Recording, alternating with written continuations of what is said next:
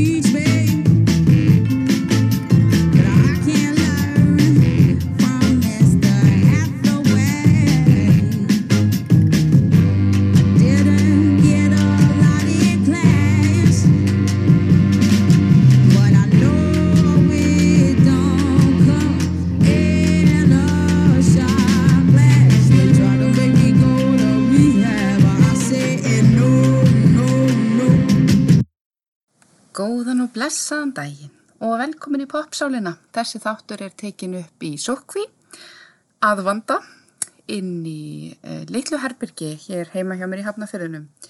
En þessi þáttur er fyrsti þátturinn í tengslum við Patreon. Eh, Hvað segir maður? Æ, þið veitir, þú veist það sem maður getur styrt popsálina. Það er hægt að styrkja sem sagt popsálina um 5 eurur á mánuði og það fáið svona einn auka þátt og hér fáið smá insýn inn í hvernig svona auka þættirnir verða að samt í rauninni ekkert eitthvað ákveðið þema, þeir eru bara þar sem ég tek fyrir uh, hverju sinni.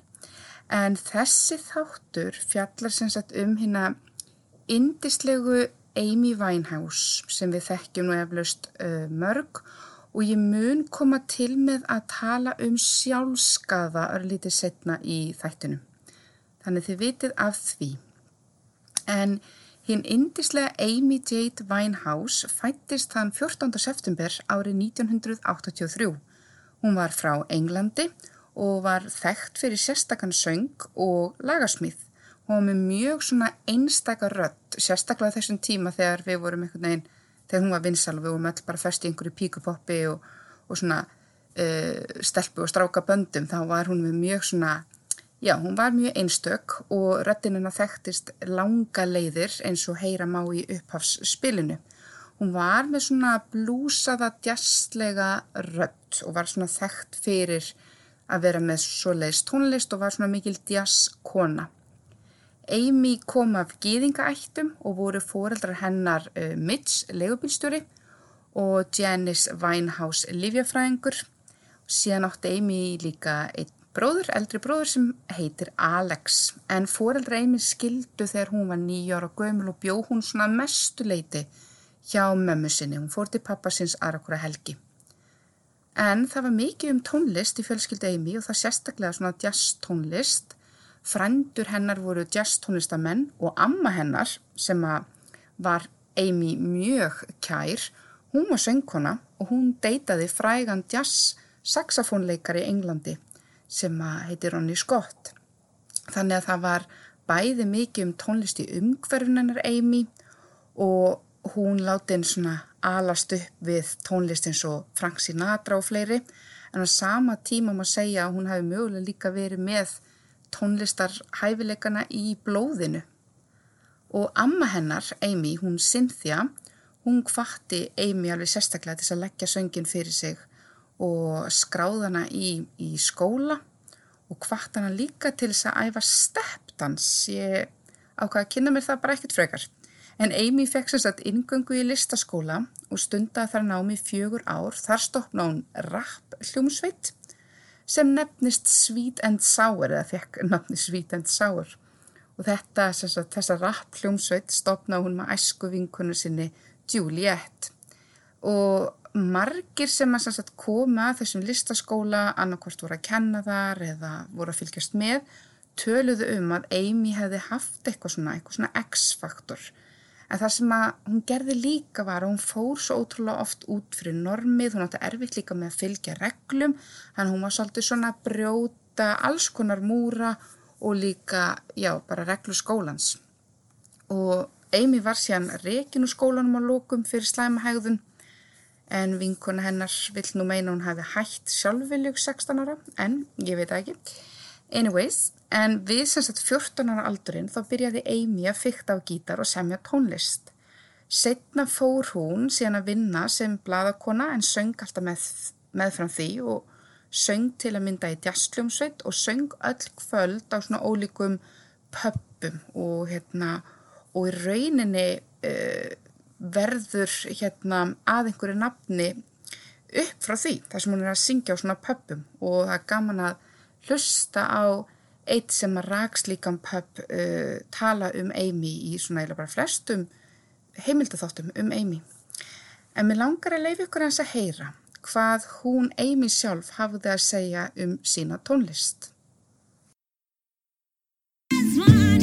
My greatest fear is probably dying with no one knowing of any contribution I'd ever made to creative music. But that's cool because I made an album already that I'm so proud of that, you know, if I died tomorrow, touch wood, you know, I, I would still feel fulfilled in a, in a way. Já, eins og heyra má, þá er hún bara eh, mjög stolt af e, sinni velgengni sem hún að sjálfsögðu má alveg vera og mátt alveg vera. En sögur herma sem sagt að hún hafi komist á samning á mjög sérkennilega máta. Umbóðsmaður eða útgáfi fyrirtæki heyrði víst rött hennar einhver staðar á einhverju, einhverju svona teip þar sem að annar tónlistamæður var að promóta Amy.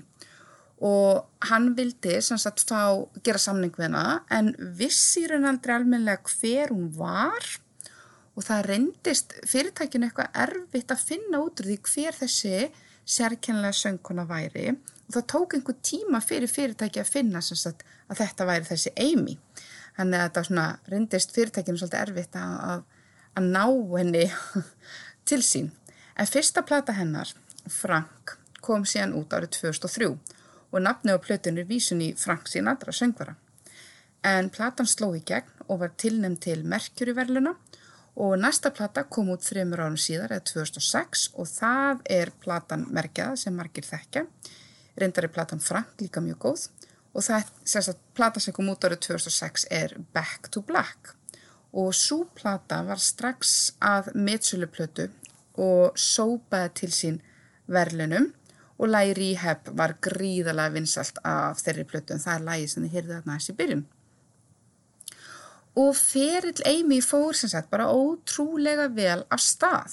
Og það hofst allt mjög vel, hún uh, uh, spila á mörgum tónleikum og á svona stórum, þið veitir svona venjum og, og með stóru fólki. En í kringum 2007 þá fór að halla undan fæti. Og hún fór að lendi því að ná einhvern veginn ekki að að e, í rauninni performa, á mig vantar íslenskt orð. Þið veitir, já emitt, vantar íslensk orði yfir performa, já já. En hún var stundum sem sagt púið bara hreinlega niður á sviðinu fyrir að standa sig illa, hún sko hún stóð varli fætunar, hvað þá að, að syngja. Þannig hún var það illa stödd uh, líkamlega og, og hérna helsan ekki nógu góð. Og í lóku november sama ári, eða þarna 2007, þá var formlega sendt út tilkynning þess efnis að búið var að aflýsa öllum tónleikum hennar.